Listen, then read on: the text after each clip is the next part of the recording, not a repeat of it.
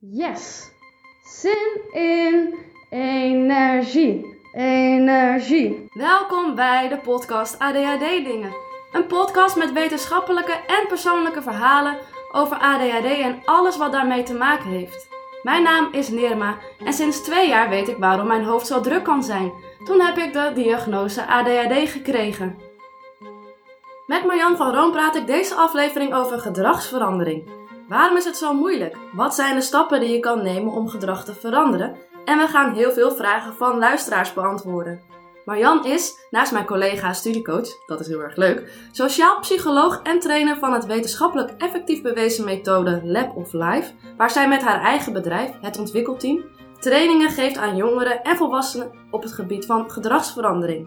Nou, als je het hebt over het creëren van blijvende gedragsverandering, dan zijn er eigenlijk drie punten die van groot belang zijn daarin. En dan stap 1 dus eigenlijk purpose. Waarom doe ik het? Waarom wil ik dit gedrag veranderen? Wat levert het mij op? What's in it for me?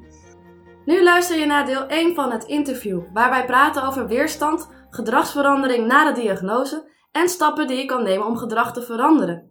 In de volgende aflevering gaan wij de vele vragen beantwoorden van volgers en luisteraars. Wil je de podcast helpen bekender te maken? Volg deze podcast dan in jouw favoriete podcast-app. Geef sterren en laat een leuke review achter. Uiteraard kan je deze podcast ook delen met vrienden en familie. Je kan de podcast ook volgen via Instagram. Dan kan je me altijd een berichtje sturen of via info.adhddingen.nl. Heel veel plezier met luisteren.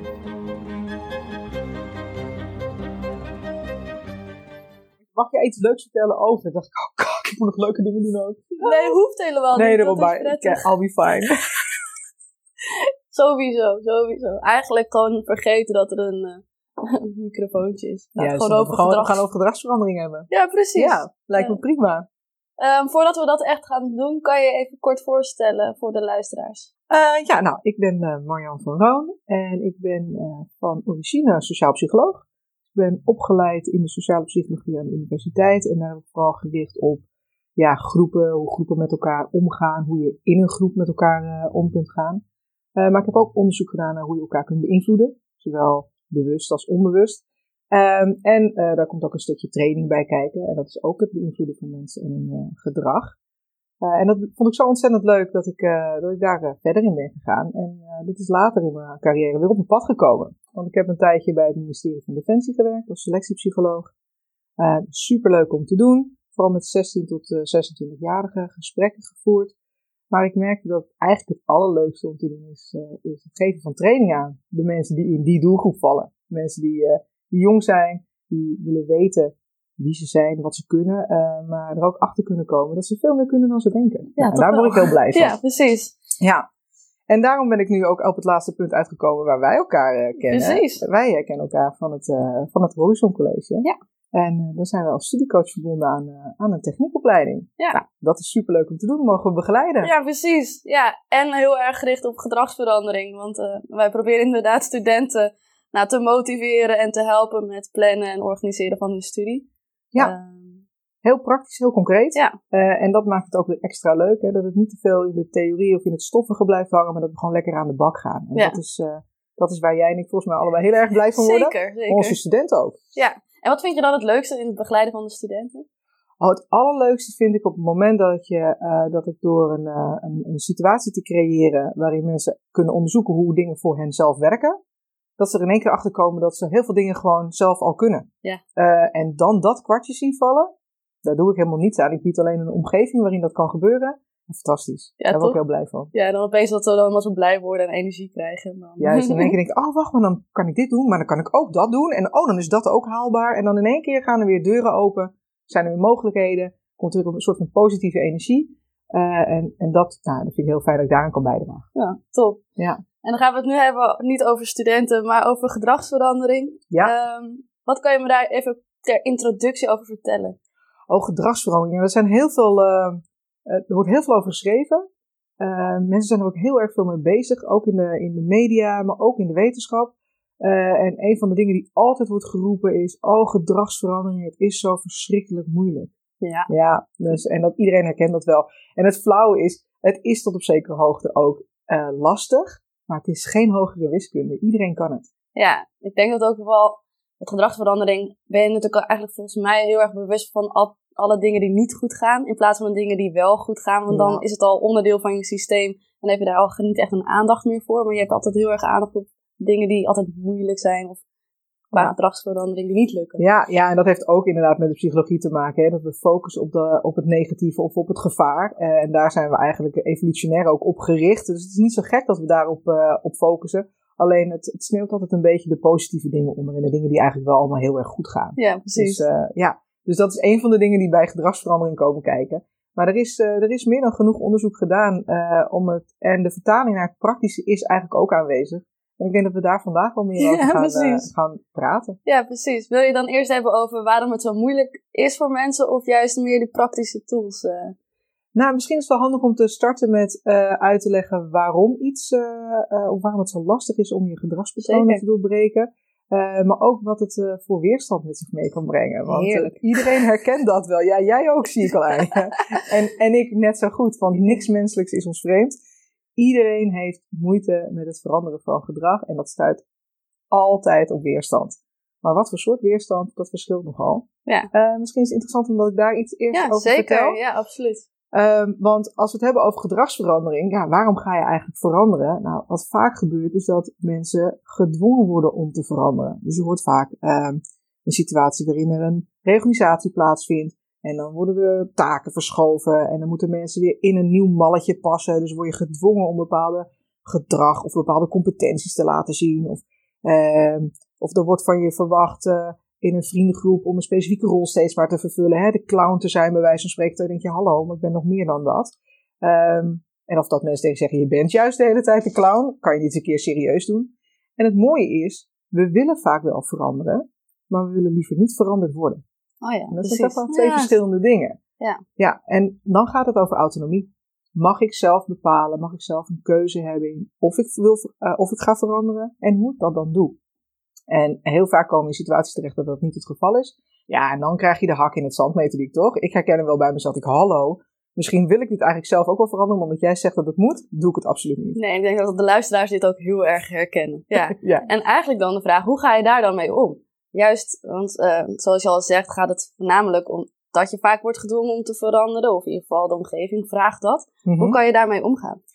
Ja, kijk, in sommige situaties, en dat is misschien ook wel eh, een van de, de handvatten waar ik zelf ook het meest aan heb, is steeds maar te blijven herinneren dat een groot gedeelte van je leven wordt ook gewoon bepaald door de omgeving. Op sommige dingen kun je gewoon geen invloed uitoefenen. Maar in iedere situatie, en ik neem gewoon eigenlijk maar even een reorganisatie en een verandering van taken als eh houvast, en dan hoop ik dat iedereen zich daar enigszins in kan herkennen. Ehm, Zo'n reorganisatie, daar heb je eigenlijk vaak weinig invloed op. Maar binnen die context heb je vaak nog iets van 20% ruimte waarin je zelf eh, kunt bepalen. En een beetje kunt jobcraften of door afspraken te maken richting kunt geven of sturing kunt geven. En ehm, wat ik heb gemerkt is dat als je veerkrachtig wil omgaan met dit soort situaties, dan zul je en realistisch moeten zijn. Dus accepteren dat sommige dingen nou eenmaal gewoon zijn zoals ze zijn. Ehm, en dat je daarna op zoek gaat naar waar zit mijn invloed. Eh, Ja. Dus die 20%. En op die 20%, dan is het belangrijk om bij jezelf te raden te gaan. Van, ja, wat is het wat ik nou graag wil? Waar ga ik van aan? Wat zijn mijn waarden en normen? Waar wil ik uit vertrekken? En hoe kan ik dat vertalen in de situatie die nu voor me ligt? Ja. En dat is je vertrekpunt om uiteindelijk bijvoorbeeld een plan te gaan maken van, goh, als het gaat om gedragsverandering, wat wil ik dan? Ja. Maar daar komen we straks op, Ja, precies. Ja, want ik zit ook meteen eh, al na te denken over de hoe-vraag. Ik had het Ja. eh, laatst op Instagram ook over van wie blijft er altijd hangen in de hoe-vraag. Eh, daar ben ik zelf ook best wel goed in. Dat je de hele tijd denkt, ja, maar hoe kan ik dit nou inderdaad beter doen? En hoe kan ik zelf invloed hebben op deze situatie? En inderdaad met een cirkel van invloed van, oh ja, maar wat kan ik doen en wat wil ik in deze situatie? Ja. En dan kan ik heel erg zelf blijven hangen. En nou ja, heel veel reacties waren daar ook op, dat heel veel mensen dat herkennen.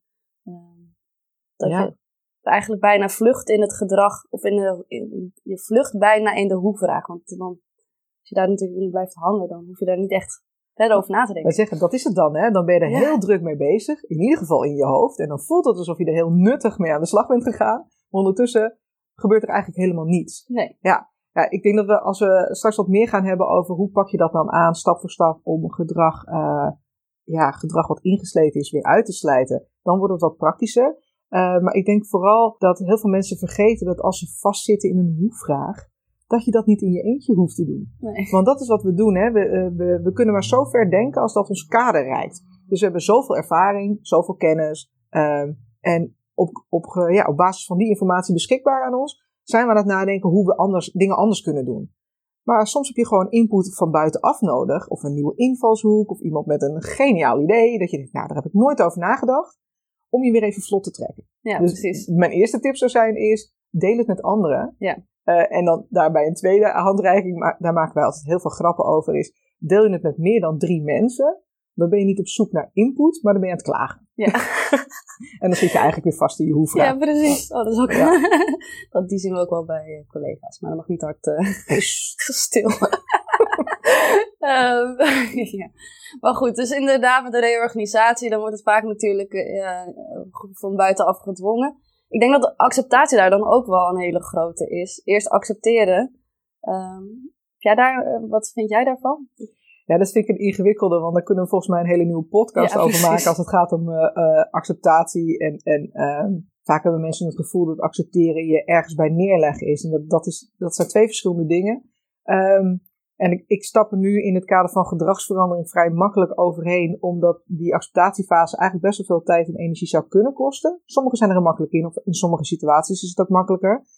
Uh, als het regent, ja, dan regent het. Ik bedoel, daar kunnen we heel lang over klagen, maar uiteindelijk, dat is het zo. Maar een reorganisatie kan je echt nog duizenden dingen verzinnen die anders zouden kunnen of moeten. Zeker. En is accepteren misschien wat lastiger. Um, ik heb daar op dit moment niet echt een tip voor. Nee. ik, ik, ik, voor, het, voor het gemak van gedragsverandering slaan we die fase ja, over, want hij is ingewikkeld zo. Ja, precies, ja. ja dus ik ga er even vanuit dat er acceptatie is ja. op de situatie. En als dat er nog niet is, dan kan je daar zelf nog later aan, uh, kan je zelf mee nog aan de gang. Dat, ja. uh, hoe kan je de situatie accepteren en dan, hoe kan ik daar invloed op uh, ja, en ik ben denk me nu ook, nu je dit zo zegt, dat hebben de podcast is natuurlijk voor ADHD dingen. Uh, en mensen hebben natuurlijk de diagnose gekregen ADHD.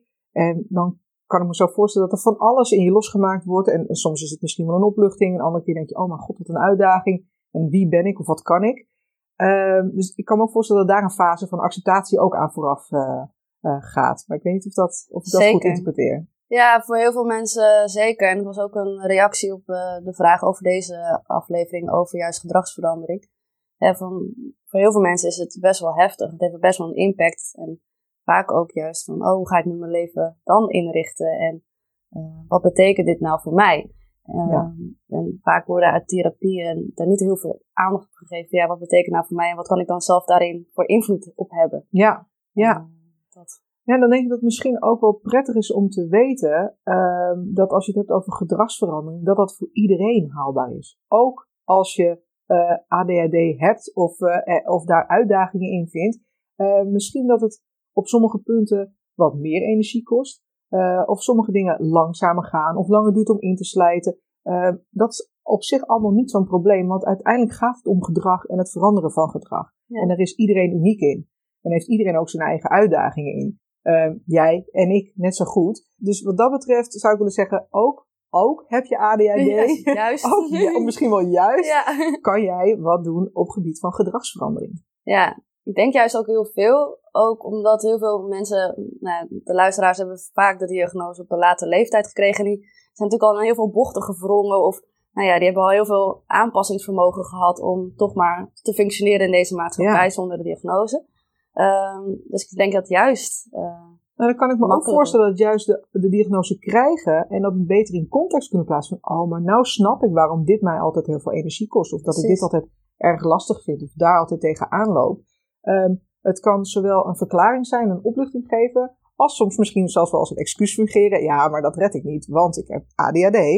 Um, het is voor ieder persoonlijk om te beslissen wat wil je daarmee. En dat heeft ook weer te maken met acceptatie. Maar vooral ook met waarom zou je iets willen veranderen. Uh, en dat, dat is eigenlijk als je het hebt over gedragsverandering, is dat stap nummer één. Is waarom zou je willen veranderen? Heb je er zelf last van? Heeft je omgeving er last van? Of hebben jullie er samen last van?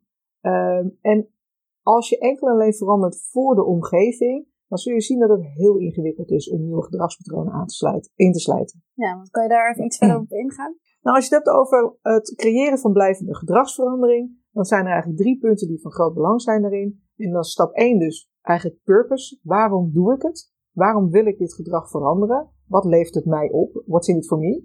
Um, tweede stap is eigenaarschap. Dus dat je het gevoel hebt uh, en eigenlijk ook de verantwoordelijkheid durft te nemen. Dus dat je zegt, oké, dit hoort bij mij en hier ga ik mee aan de slag. Uh, gecombineerd eigenlijk met weer de eerste stap van waarom doe ik dit? Ja, waar zit mijn intrinsieke motivatie? Wat levert mij dit op? En de derde stap is eigenlijk het vertrouwen in eigen kunnen. Ja. Dus dat je zeker weet, ik ben in staat om hier veranderingen aan te brengen. En meteen al een kleine tip op dat laatste punt is, leggen vaak de lat zo ontzettend hoog dat we absoluut niet het gevoel hebben dat het mogelijk is. Dus tip 1, kleine stapjes. Ja, nou, ik denk ook met zeker stap 3 en wat ik net nog dacht over de diagnose krijgen, uh, waar we net over hadden. Ik denk dat ook uh, een gedragsverandering daarin. Uh, dat we heel veel patronen hebben aangeleerd om juist inderdaad uh, te voldoen aan alle eisen en functies en dat soort dingen. Dat het voor ons eigenlijk weer, voor heel veel mensen, weer kijken is naar, ja, maar wat past nou bij mij en wat, wat vind ik nou werkelijk leuk? Of wat, wat voor gedrag past er eigenlijk bij mij? Want ik heb zoveel mijn best gedaan om iedereen ja. te pleasen. Uh, en zelf, zeker met stap 3, dat zelf. Oh, Self-efficacy. Ja, precies. Ja. Soms ben ik echt moeilijk met woorden. Um, maar dat je dus vertrouwen hebt, maar dat heb je nog niet echt. Omdat je nog niet uh, die stap hebt gezet naar wat je zelf uh, kan en eigenlijk wil. Dat het een hele spannende stap is eigenlijk. Ja, nee, kan ik me heel goed voorstellen. Ja. En het, uh, het interessante is, als je het hebt over gedragsverandering, dan zijn er dus geen fouten mogelijk. Ja. Als jij nieuw gedrag wil insluiten, um, dat betekent dat je moet oefenen, experimenteren, maar vooral doen, doen, doen. Ja. Alleen als je dingen doet, kan je daadwerkelijk ook een beweging in gang uh, zetten.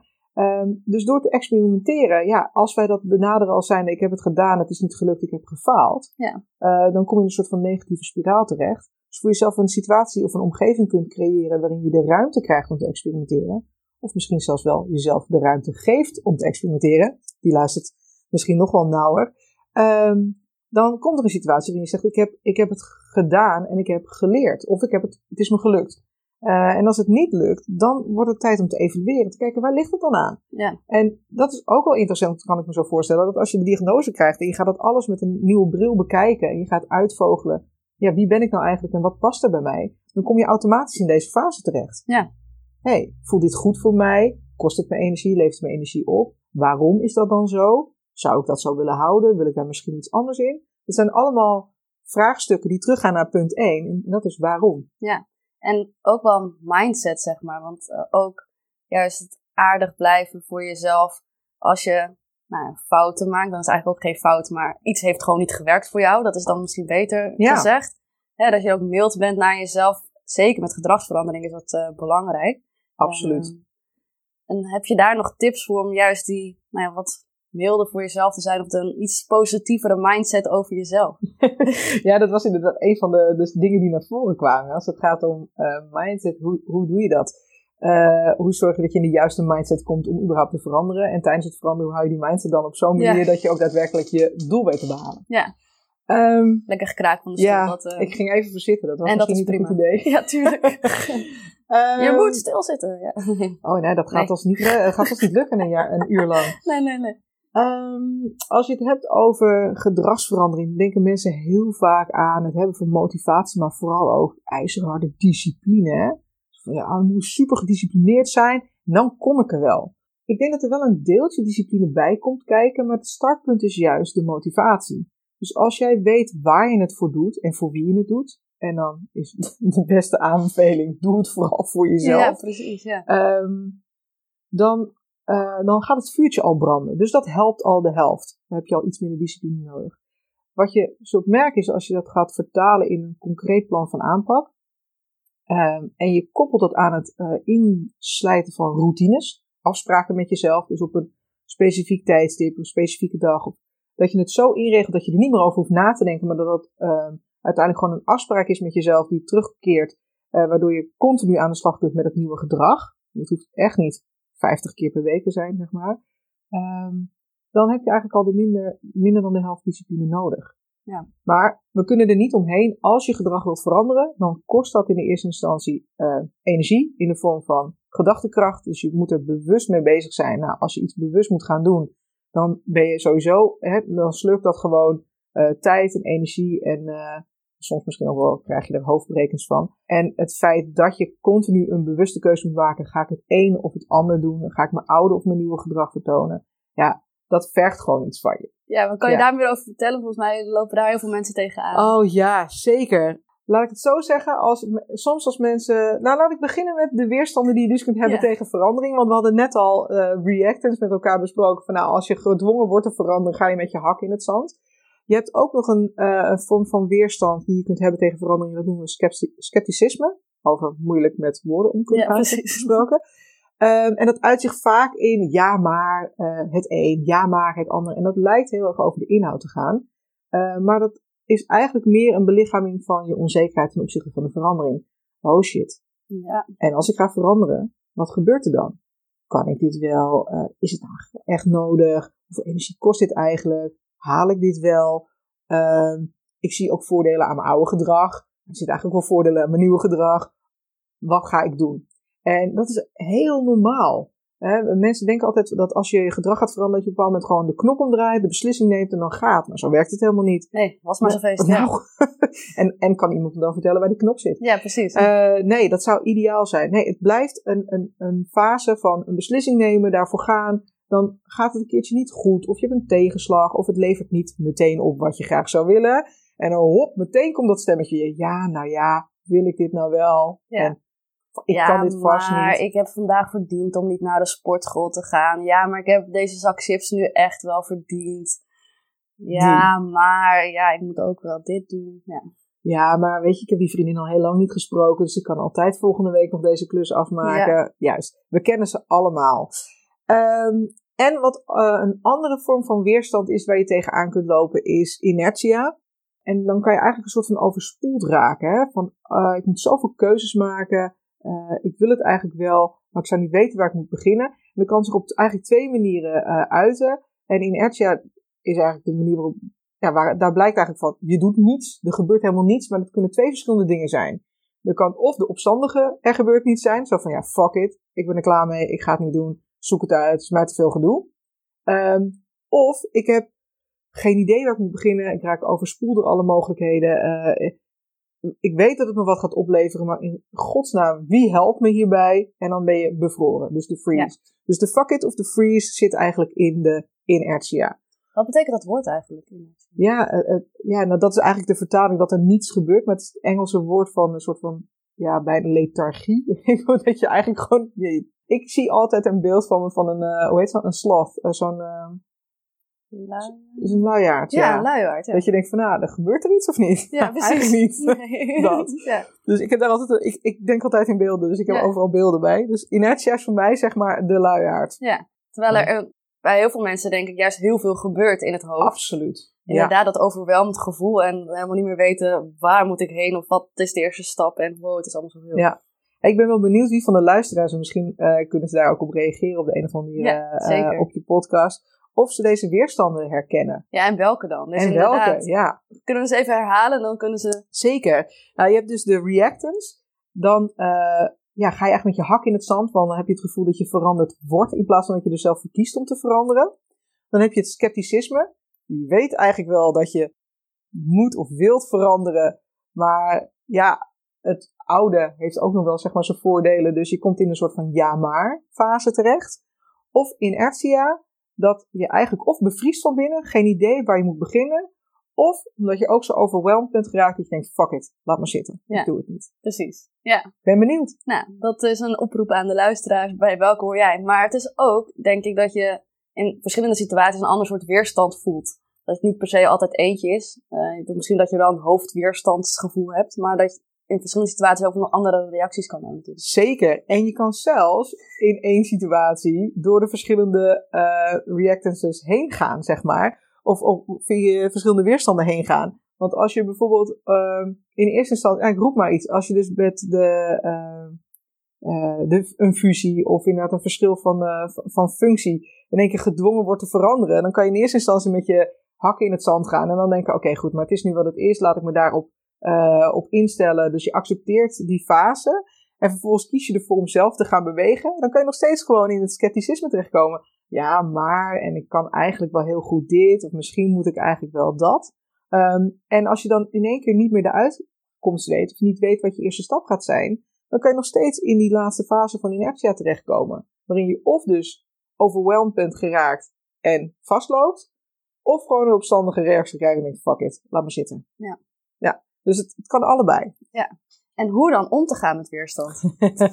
Met je eigen weerstand met je vooral. hè, eigen want- weerstand, Want ja. dat is denk ik wel het belangrijkste om te vertellen als het gaat om gedragsverandering. Iedereen wil wel veranderen, maar niemand wil veranderd worden. Ja. Dus als we het hebben over gedragsverandering, kunt het alleen maar hebben over wat wil jij anders in jouw leven. Eh, niet van, eh, oh goh, eh, mijn vriend die eh, doet dit en dat de hele tijd niet, terwijl hij zegt dat hij dat wel doet. Hoe verander ik hem? Ja. Want het zijn twee hele verschillende dingen. Ja, want dat is misschien nog ook een leuke voor straks. Hoe ga je om met eh, relaties daarin? Nou ja, ik denk dat heel veel mensen daar tegenaan lopen. Het kan ook gewoon met vrienden zijn van, oh ja, ik erger me aan dit gedrag of zo. En ik wil dat hij verandert of zij. Ja. Eh, dat we daar ook nog even zo over kunnen hebben, hoe daarmee om te gaan. Zeker, zeker. ja. Nee, ja, je, je vraagt eigenlijk om een soort van stappenplan, hè, om gedragsverandering. Altijd, hoe ja. pak je dat aan? Want het gaat vooral om het hoe Ja, en het concreet maken. En dat, zei je in het begin van de podcast al. van, Ja, dat is een vraag die ook wat uitgezet eh, eh, online en er best wel wat reacties op zijn gekomen. Nou, heel logisch, heel herkenbaar. Ehm, wat ik kan eh, bieden is eigenlijk een soort van stappenplan. Maar ik raad iedereen aan dat stappenplan het liefst te doorlopen met iemand in zijn omgeving. Om samen te kunnen sparren. Want zoals ik net al zei, als je eenmaal begint na te denken over een situatie, kan je alleen maar in je eigen bekende patronen denken. En soms is het heel lekker om dat met iemand anders te doen. Maar je kan er zeker ook in je eentje mee aan de Ja. slag hoor. Eh, stap Nog 1. Waar is mijn tromgeroffel? ja precies. Ja, nou, het start met inzicht in je eigen situatie. Ja. Ehm, want uiteindelijk wil je toe naar iets waar je zelf mee aan de slag wilt en niet wat je opgelegd krijgt van buiten. Ehm, dus maak, eens, maak een overzicht van je leven. Weet je, wat, wat geeft je energie? Wat kost je energie? energie Ehm, wat gaat lekker? Wat gaat minder lekker? En we beginnen begin heel breed. Ehm, dus het wordt meer een onderzoekend iets. Heel, veel wil je, heel vaak willen mensen heel snel door naar één specifiek onderdeel Ja. omdat het daar wringt. Maar als je, dat staat ook in relatie tot andere dingen. Dus als je niet breed begint, kan je dat verband misschien wel missen. En mis je misschien ook wel eh, de, de juiste knop om aan te draaien, Ja, zullen we maar zeggen. Ja. Dus maak een overzicht van je eigen situatie. Wat doe je allemaal in een week? Eh, wat doe je werk? Wat doe je thuis? Wat doe je in je vrije tijd? Eh, wat kost je energie? Wat geeft je energie? Nou, er zijn meer dan genoeg van die opdrachten te vinden eh, op internet eh, als een soort van, van macrootje. Dus als je het fijn vindt om daarmee Ja. te werken, zoek ze vooral op, zou ik zeggen. Ja, ik zal wat dan ook wel wat op, het, op mijn website zetten. eh www.adhddingen.nl. Allemaal leuke op, de opdrachtjes of oefeningen die kunnen, kunnen mensen dat opzoeken. Ja. Super, ja. Ja, en dan komt eh, eh, de volgende stap is eigenlijk, dan gaan we wat trechter en gaan we wat smaller maken. Dus als je kijkt naar dat totaal, wat is uit balans? Wat, waarvan denk je, nou, dat kost me te veel energie. Of kom je misschien wel tot de conclusie dat je te weinig dingen doet die je energie opleveren, zeg maar. Eh, en dan is het zoeken van, ja, zou je daar wat mee willen? En zo ja, met welke zou je het liefst aan de slag gaan? Eh, misschien is het handig als ik af en toe gewoon wat voorbeelden geef van mensen die, eh, zeker. die hiermee aan de slag zijn gegaan. Ehm, wat vaak gebeurt ehm, in werksituaties dat mensen bijvoorbeeld overspoeld raken door een mail. En als we dus in kaart brengen hoeveel tijd ze eigenlijk bezig zijn met het bekijken van hun mail, afgeleid raken door hun mail, mailmeldingen ontvangen, zich zorgen maken over een te volle mailbox terwijl ze eigenlijk met een andere klus bezig zijn, et cetera. Mail. Echt draak van een Ja. uitvinding. Goed. Als Het is lekker- handig, ja. maar ja, het is... Juist, het, het vergt ook wel wat. Ja. Ehm, en wat mensen, we, nou, waar ze vaak achter komen is dat eh, ik op de een of andere manier kost het me meer energie dan dat het me oplevert, maar ik heb het wel nodig voor mijn werk. En dan zit je eigenlijk alweer in de context van, nou, 80%, 20%. Dat mail nodig is, dat staat vast. Ja. Maar in die 20% kan jij verschil eh, ehm, uitmaken. Eh, bepaal dan wat je anders zou willen. Want wat is het van de mail dat jou dus het meeste kost? En Is het- irritatie. En, Ja, is het juist die volle mailbox die de hele tijd een soort van stressgevoel bij je opwekt, de hele dag door zit het in je achterhoofd? Of heb je juist iets van, eh, ik word de hele tijd afgeleid door meldingen van mail wat binnenkomt? eh, of mijn dag wordt bepaald omdat ik start met mail, eh, wordt mijn agenda van die dag bepaald door alles wat er binnen is gekomen. Maar daardoor verlies ik lange termijn projecten uit het oog. Nou, meer dan genoeg redenen, ja. onderzoeksmogelijkheden als het gaat om mail. En dan is het belangrijkste om dan te gaan te bepalen welk deel wil jij aanpakken. Eh, maar de vraag is ook vooral, en dat is de derde stap, waarom? Ja. Wat levert het je op? Waarom zou je hiermee aan de bak willen? Ehm, is dat eigenlijk omdat je wel vindt dat je dat zou moeten. Maar eigenlijk valt het wel mee. Ja. Is het irritant, maar kost het niet zo veel energie. Maar heeft je leidinggevende al drie keer gezegd van hallo, er staan 1094 ongelezen mailtjes in je inbox. Wil je daar wat aan doen? Ja, precies. Of eh, denken, wat had ik nou... Ah, ik weet het even niet meer. Ik dacht een heel leuk voorbeeld, maar ik ben het nog weer kwijt. Zo gaat het. Komt vanzelf, komt vanzelf weer terug, denk ik. Ja. Ja. Dus, Oh dus ja, nee, wat ik dacht van, Oh ja. die, eh, die waarom kan ook de makkelijk, waar het minst weerstand op zit. Oh ja, eh, dat mensen ook al vaak kiezen. Nou, ik heb in kaart gebracht wat er allemaal is met een onderwerp met mail. Oh, dan ga ik deze, dit onderdeeltje ga ik oplossen. Daar heb ik wel iets aan gedaan, maar dat is eigenlijk waar het minst weerstand op zit. Maar het is niet de kern van het probleem. Nou, dan Ja. los je het eigenlijk niet op. Maar het is omdat het eigenlijk het makkelijkst is, of zo, of Ja. minst weerstand. En dan heb je het alsnog niet opgelost, maar ja, dan heb je wel iets aan gedaan. ja, dat is, je, je- dan schaar je het een beetje gelijk met wel erover nadenken. Dan heb je het gevoel dat je wat doet, maar uiteindelijk gebeurt er niets. Nee. Ik denk dat dit wel iets verschilt. Want als je namelijk start met datgene, het eerste stapje waar het minste weerstand op zit, ehm, dan kan je twee kanten op. Of je kan het als excuus gebruiken inderdaad om vervolgens niets meer te doen. Ehm, of je kan het zien als de eerste, de beste kleine stap om een Ja. beweging in gang te zetten, om vervolgens extra gedragingen te laten zien om toch tot je doel te komen. Dat is waar. Daar komen we zo meteen wel, eh, wel verder op, denk ik, als het gaat om het maken van een concreet actieplan als, eh, voor gedragsverandering. Ehm, maar dan nog, als je het gebruikt als een excuus, dus je zegt, nou, ik heb dat weggewerkt, tada, en dat is het dan. Uiteindelijk gaat het weer wringen. Ja, precies. Eh, want Daarom. de kern is, is dat, eh, dat je hebt er last van. En Ja. als je de kern niet hebt opgelost, dan blijf je er last van houden en komt hij weer terug. En dan komen we weer op het punt, er zijn geen fouten mogelijk, wees mild voor jezelf. Tuurlijk heb je in eerste instantie de makkelijke weg gekozen. Doet iedereen, zou ik net zo hard Ja. doen. Eh, en ben je er actief mee bezig is, maar je hebt wel al één deeltje weggewerkt. precies.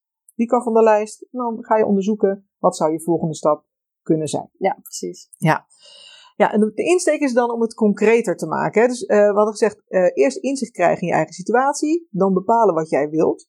Wil je iets bereiken of wil je juist ergens van af? Soms wil je van een negatief gevoel of een situatie af. Waarom zou je dat willen, heb je dus in kaart gebracht. En dan is het nu zaak om het nog concreter te maken. Ja. Nou, ik gaf net al het voorbeeld van de, van de mails, hè, van breed naar smal. Ik heb last van mijn mail en dat concreet te maken met welk onderdeel heb ik daar dan last van. Ehm, als je dus hebt bepaald waar je nou precies last van hebt, of het meeste last van hebt, dat Ja. kan natuurlijk ook, dan wordt het tijd om eh, gedragsintenties te gaan formuleren. En met gedragsintenties eh, bedoel ik dat je heel concreet gaat formuleren een situatie die je oude gedrag triggert. En dat je dan daar de oplossing voor verzint. Hoe ga je dan anders reageren? Ik denk dat het het handigst is om daar een voorbeeld Ja, van graag. te Want geven. ik zit al een eh, soort van, ja, wat triggert dan oud gedrag? Dat denk ik, ja, wat Ja. kan je concretiseren. Nou, laten we zeggen, eh, in een voorbeeld van de persoon die last had van zijn mail, dat ze eigenlijk zijn agenda werd bepaald doordat hij 's ochtends startte met het checken van de mail wat er allemaal binnen was gekomen. En dan alles wat er bovenin stond, dat was dan allemaal meteen belangrijk en urgent, hoe, dingen doen. En dat, stond, dat bepaalde dan de rest van zijn dag. Eh, maar daar kwam hij dus achter dat hij eh, daardoor eigenlijk niet aan zijn lange termijn projecten of aan een aantal belangrijke zaken op de achtergrond eh, toekwam, die pas over drie, vier maanden weer urgentie met zich meebrachten. Maar hij wist nu al, ik moet hier wat mee. Ja. Eigenlijk. Eigenlijk, ja. Dus die frustratie, daar wilde hij vanaf.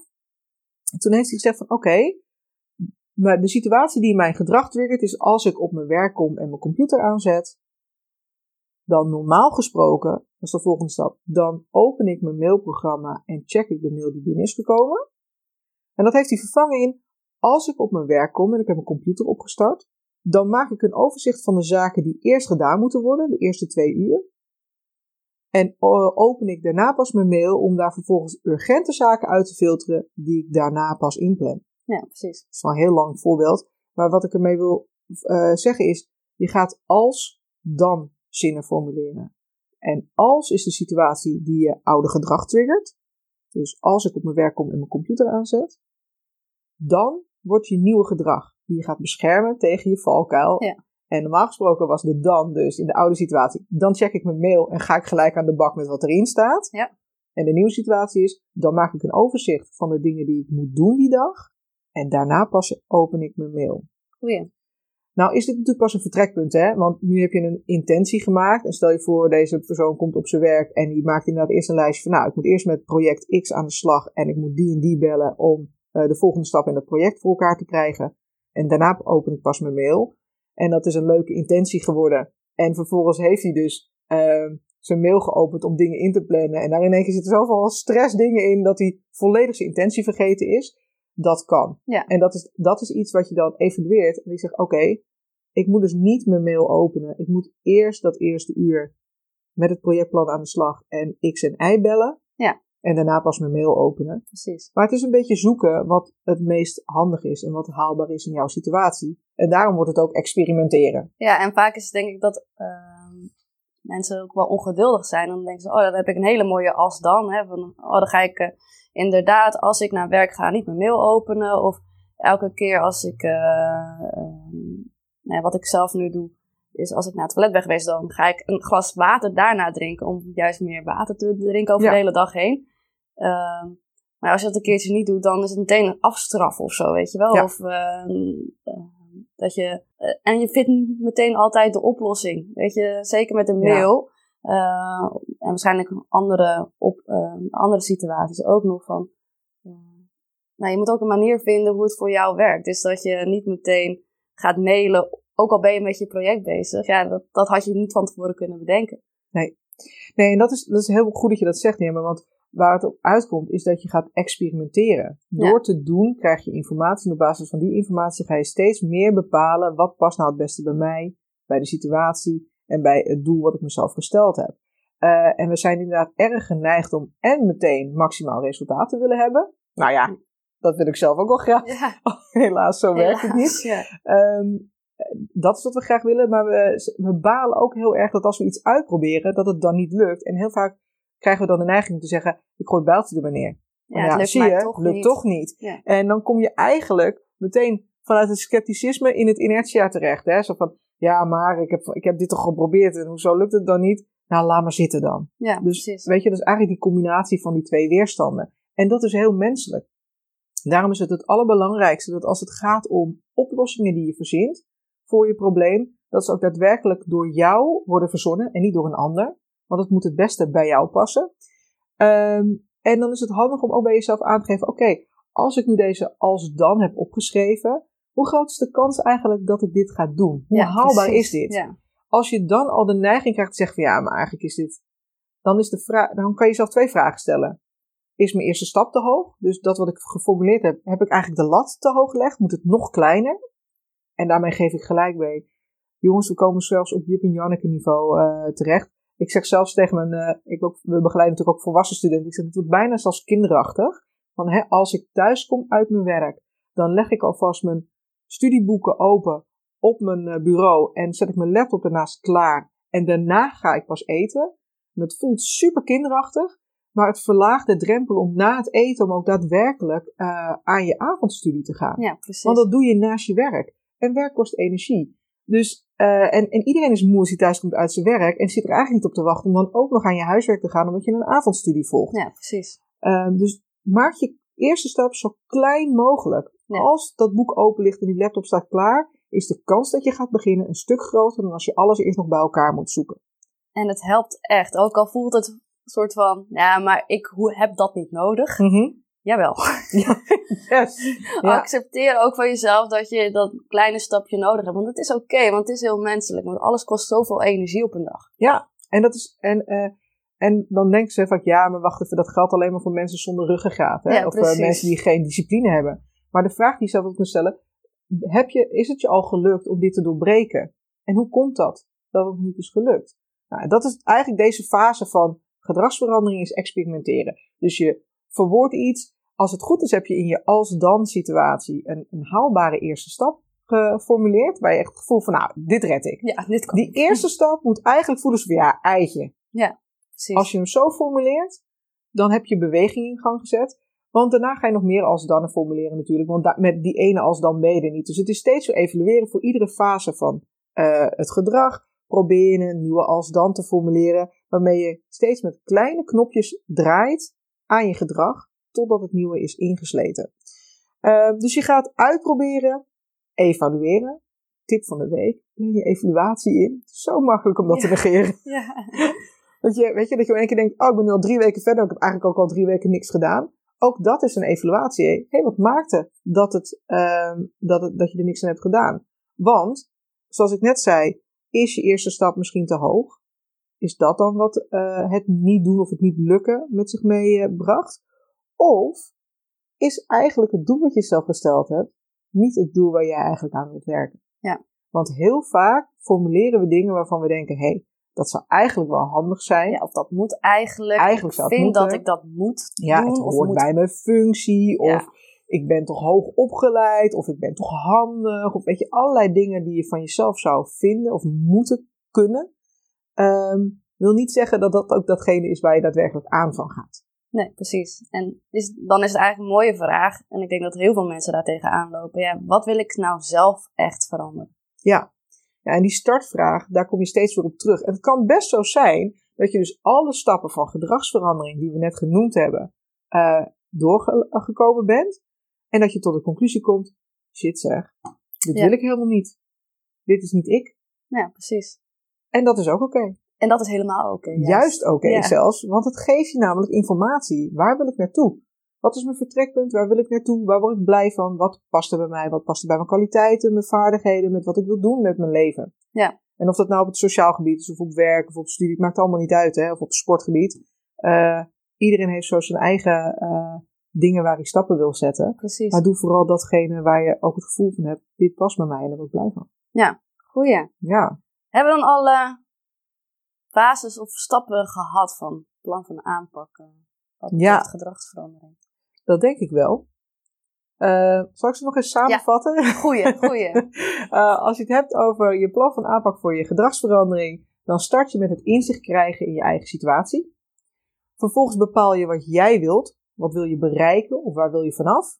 En benoem voor jezelf waarom je dat wilt. Waarom gaat jouw vuurtje daarvoor branden? Maak het dan concreter. Hoe concreter, hoe beter. Ja. En als je dan hebt gekozen waar je meteen mee aan de slag wilt, vertaal die dan in als-dan situaties.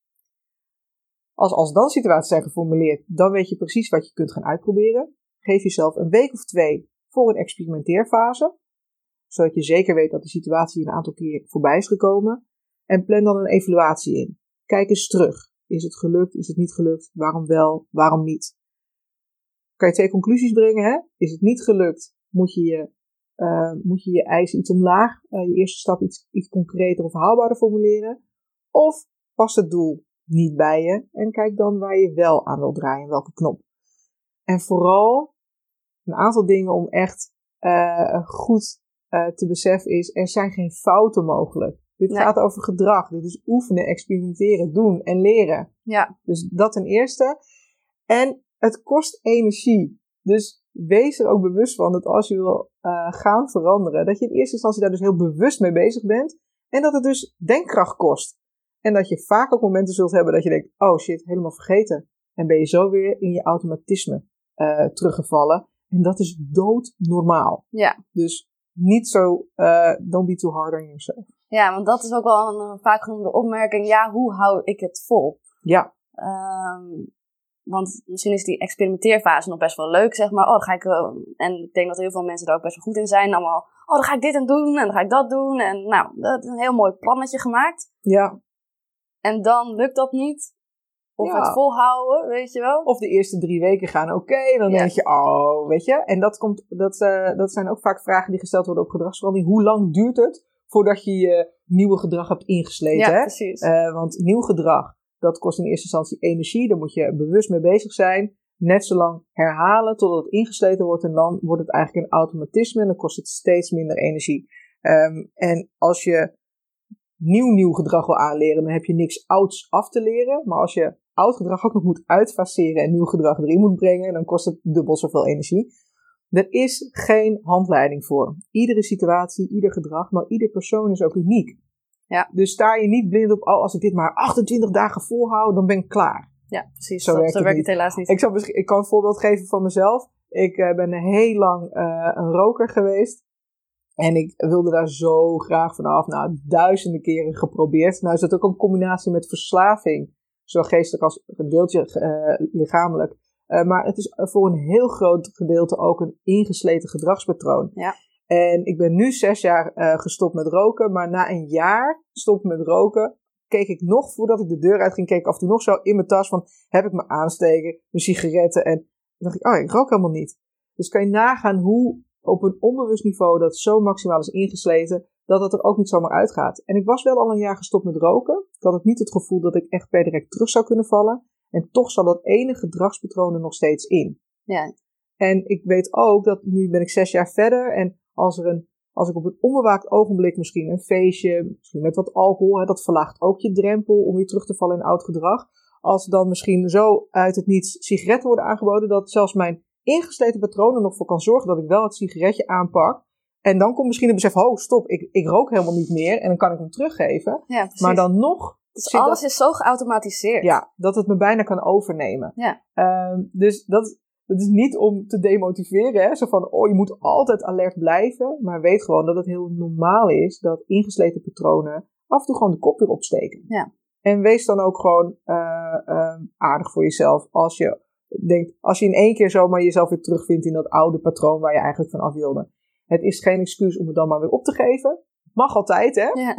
maar dan zit je in de weerstand. ja. Je kan ook zeggen, oh, blijkbaar is dit gebeurd. Nou, dan ga ik vanaf hier weer starten met het insluiten van mijn gezonde nieuwe patroon. Ja, en dan heb, kom je toch vaak weer op clichés terecht. Van ja, elke dag is wel weer een nieuwe mogelijkheid om het gedrag weer aan te passen. Weet je wel. Ja. Het is gisteravond misschien niet gelukt met heel gezond eten. Maar ja, vandaag kan je wel weer gezond eten. Ja, Fri- frisse start, zeg ja, maar. ja, ja, Ja. Elke keer is weer een nieuwe kans of zo. Dat klinkt altijd een beetje stom, maar het is, het is wel zo.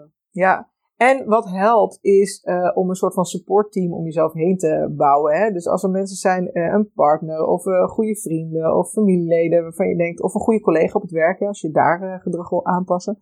ehm, om die eens deelgenoot te maken van je uitdaging.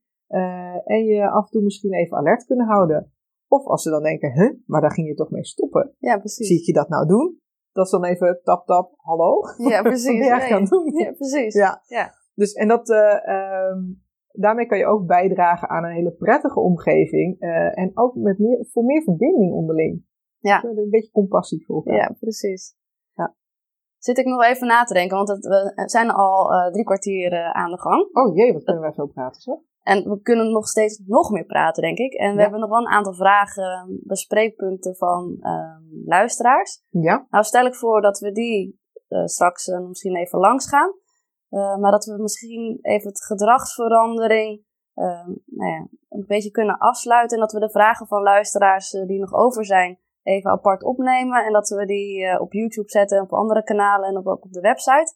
prima. Zodat, ehm, want volgens mij hebben we de kern van gedragsverandering wel besproken. Denk het wel, ja. En eh, tenminste, voordat we dat helemaal echt afsluiten, zijn er nog belangrijke dingen die je erover wilt zeggen? Goeie vraag. Nee, ik denk dat, eh, dat het allerbelangrijkste wel, eh, wel gezegd is. Ehm, en het enige wat ik eigenlijk de luisteraars mee zou willen geven is: ehm, leg de lat niet te hoog en geniet van het experimenteren. Want het is ook grappig om te zien dat je soms gewoon weer terugvalt in oud gedrag. Ehm, en, en wees ook aardig voor jezelf daarin. Goeie. Top, dan wil ik je in ieder geval bedanken voor de kern van gedragsverandering. Eh, dan gaan we eh, zo verder met eh, de vragen. En die zijn dan op een ander moment te beluisteren.